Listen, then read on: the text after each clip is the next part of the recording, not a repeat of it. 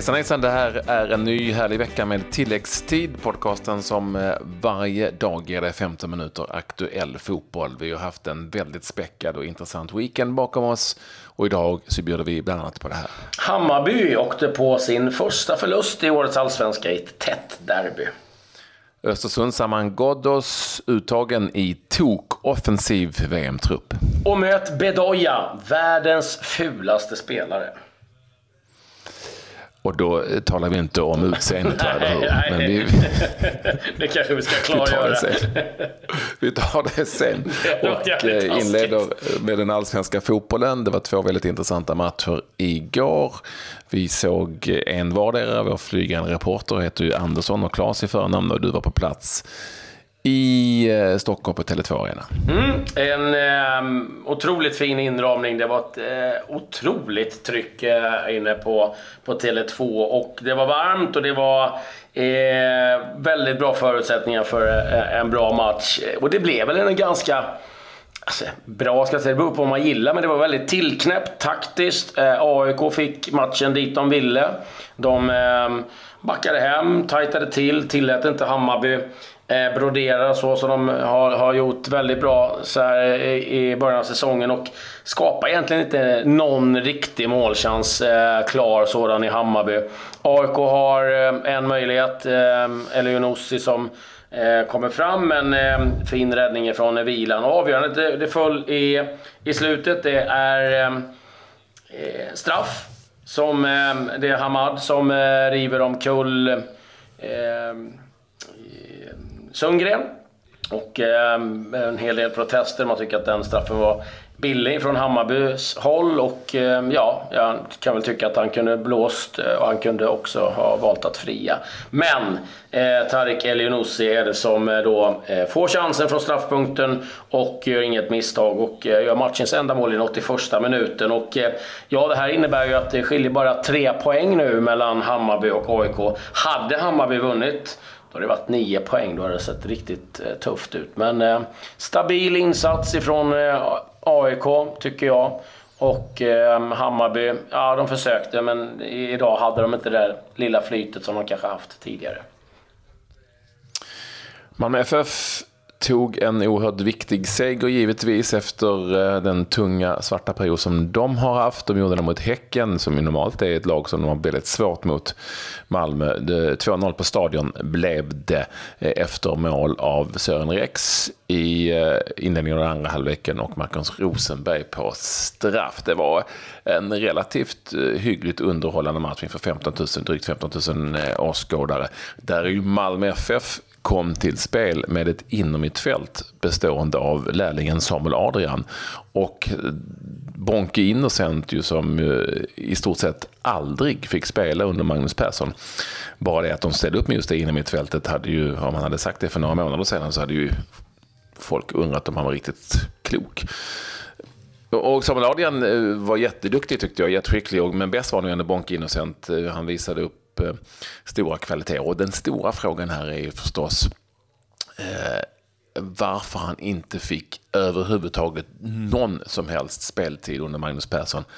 Var det någonting som inte stämde eller tyckte Magnus Persson bara att han var alldeles för dålig? För så dålig fotbollsspelare är han inte. Det är ingen superstar, men han är inte så dålig och i den här matchen passar de ganska perfekt. Häcken hade en hel del. Eh, Mustafa El Kabir hade ett par bra lägen. Eh, El Kabir eh, blev ju sen också dessutom varnad och utvisad när han var utbytt och satt på bänken i slutskedet av matchen efter en riktigt ful tackling från Samuel Adrian som borde ha varit rött kort på, på Adrian men blev icke så.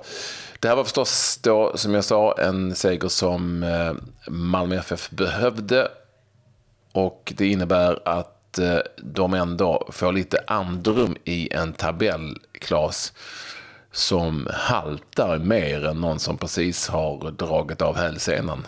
För det är så att Malmö till exempel har då 11 spelade matcher. Det är, det är tre mer än Sundsvall som ligger precis bakom dem i tabellen just idag. Ja, nej, det, det, det, det haltar betänkligt. Det kan man lugnt konstatera. Hammarby toppar eh, allsvenskan, 25 poäng. AIK 2 22 poäng. Båda de lagen har spelat 10 matcher. Norrköping just nu på en tredje plats med 19 poäng. En match mindre eh, spelad. Eh, vi hade två matcher i Superettan. Eh, Värnamo-Halmstad 1-3.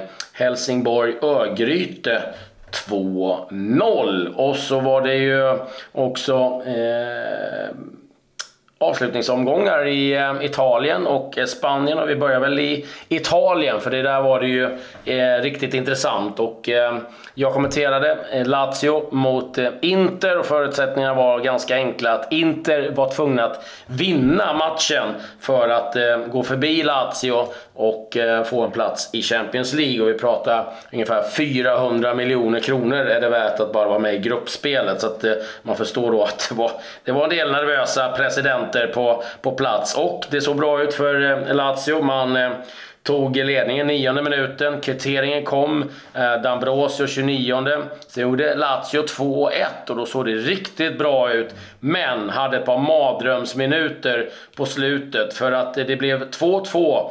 Eh, Icardi på en straff. Sen blir Lulic utvisad minuten senare och i den 80 första minuten så nickar Mattias Vesino in segermålet, vilket då innebär att Inter kommer fyra och eh, spelar i eh, Champions League nästkommande säsong. Desto tyngre för eh, Marcus Rodén och hans Crotone. De fick stryk 2-1 mot Napoli. och Rodén startade matchen, men den förlusten innebär att Crotone gör Benevento och Verona sällskap och alltså åker ur Serie A. Vi får se lite vad som hände med eh, Rodén.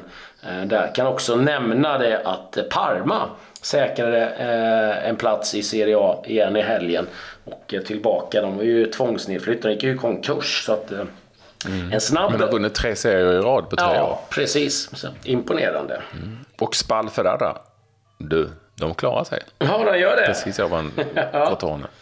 Starkt jobbat ändå. Ja, det är riktigt imponerande. Vann matchen idag också. Var det något speciellt som hände i Spanien då när det var avslutning? Eh, ja, eh, det var ju givetvis så att det var eh, Fernando Torres gjorde sin sista match i Atletico Madrid och Iniesta eh, gjorde sin sista match i Barcelona. Och Torres han smällde in två mål eh, när Atletico vann och eh, Iniesta fick också se sitt Barcelona eh, vinna sin match. Det var Coutinho som gjorde matchens enda mål. Och, ska jag ju nämna också, Gianluigi Buffon tackade för sig efter 17 år i Juventus. Så att, eh, Ja, eh, tre riktigt fina spelare som tog farväl av sina eh, klubbar. Men i Spanien så var det ju inga saker som hände ur, ur tabellmässigt utan det där var, har varit klart sen tidigare. Det var klart sen innan. Deportivo La Coruña, Las Palmas och Malaga åker ur La Liga. Har vi koll på vilka som går upp då? Eh, ja, eh, jag tror att Rayo Vallecano eh, är på väg upp. Eh, men jag, ska, jag har lite dålig koll på vi, det. Vi får, vi får, vi får anledning att återkomma till det helt enkelt. Vi får återkomma till det. Vi har så mycket annat eh, här. Eh, det var inte så mycket spel överhuvudtaget är ju avslutning överallt. Ligan har tagit slut mer eller mindre. Så det har inte varit så mycket ligaspel whatsoever ute i Europa helt enkelt. Sa vi att Chelsea vann FA-cupen va? Det gjorde de ju i helgen. Besegrade Manchester United med 1-0, ett straffmål. Mm. Kan jag säga att Eintracht Frankfurt besegrade Bayern München i den tyska ja. cupen. Eh, 3-1 blev det i den matchen. Starkt. Eh, ja, det var ett ligaavslutning i Turkiet där Galatasaray i helgen blev eh, turkiska mästare. De var ju det nästan inför sista omgången. Klattar också då att eh, Genci Birgli, där vi ju haft en hel del, eller har en del svenskar, eh, åker ur den turkiska ligan. Och det innebär ju till exempel att Johannes Hopf och Khalili, målvakten Johannes Hopf alltså och Abdul Khalili kanske då hamnar i den turkiska anläggningen. Jag tror ingen av dem vill stanna där. Eh, vi får väl se var de hamnar här efter sommaren, för de är nog på väg. Om det sen blir hem till Sverige eller någonting annat, det återstår att se. Ja, eh, det eh, blir att hålla lite koll på dem. Det har varit matcher i MLS också och en ny förlust för våra svenskar i San Jose Earthquakes. DC United besegrade dem på Eh, hemmaplan ska jag säga att San Jose hade hemma och det går fortsatt tungt för Janne Stare och Magnus Eriksson i San Jose Earthquakes. Eh, det var väl de matchen som var av intresse. Ja, jag, tror, jag, tror, att han gjorde mål, va? vår eh, kompis eh, ifrån Benevento och som ju spelade landslag, Samuel Amenteros, gjorde sitt första mål i MLS. Jaha. Eh, ja, han gjorde det. Eh, och eh, nu bara står det helt... Han spelar i Portland, va, eller hur? Gör han. Eh, och eh, han blev målskytt där eh, tidigare i natt då, så lätt att missa. Sa vi att, det gjorde vi i löpet, att Saman Ghoddos nu är uttagen i Irans 24-mannatrupp. Lite underligt. De tog, ut en, de tog alltså ut Iran en bruttotrupp, det var ganska många namn där. Och sen så har man då bantat den, men valt att banta den till 24 spelare, så en stackars jävel får då skickas hem på förläget. Alltså en enda som eh, får åka hem. Det är ingen som tror att det blir Ghoddos, jag tror att han är ganska säker i Queros VM-trupp för Iran. Det som är lite udda dock, det är ju att eh, Iran, som förvisso spelar 4-3-3 tror jag, men de har tagit ut eh, i sin 24-mannatrupp då sex mittfältare och sju forwards. det måste man ju älska. Det, där ja. går man framåt. Det, det, är inget att snacka om. Det, eh, vi får hoppas att inte får några skador på backarna för då kan det bli problematiskt. Sverige fyra forwards va? Ja. Mm. Det är lite annorlunda.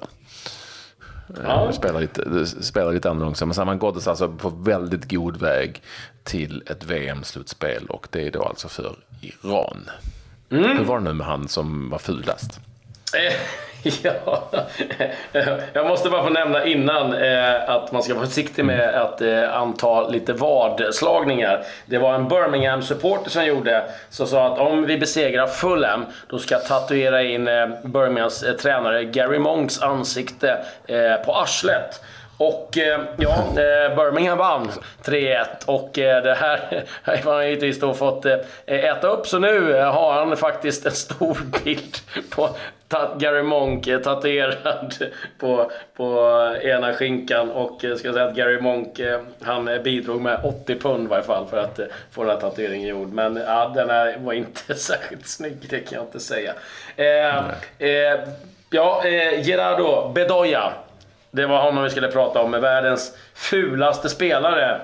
Har man nu kommit fram till att han är. Och som sagt, vi pratar inte utseende. Eh, Colombian, han har varit runt i 12 olika klubbar i Sydamerika och spelat mellan 95 och 2015. Landslagsspelare, som vann Copa America 2001. Men 47, 4-7 röda kort. Det är helt otroligt hur man kan dra på sig 47 röda kort genom karriären. Han har också varit avstängd 15 matcher för han eh, stod och sparkade en gammal lagkamrat i huvudet efter att han gett honom en armbåge i ansiktet. Och eh, ja, inte helt överraskande så fick han smeknamnet Monstret under sin tid. Så att eh, ja, om man tycker att eh, Rubat och de här var ganska tuffa och, lite eh, fula spelare så får vi nog tänka om nu. Eh, Gerardo Bedoya, 47 röda kort under den här karriären.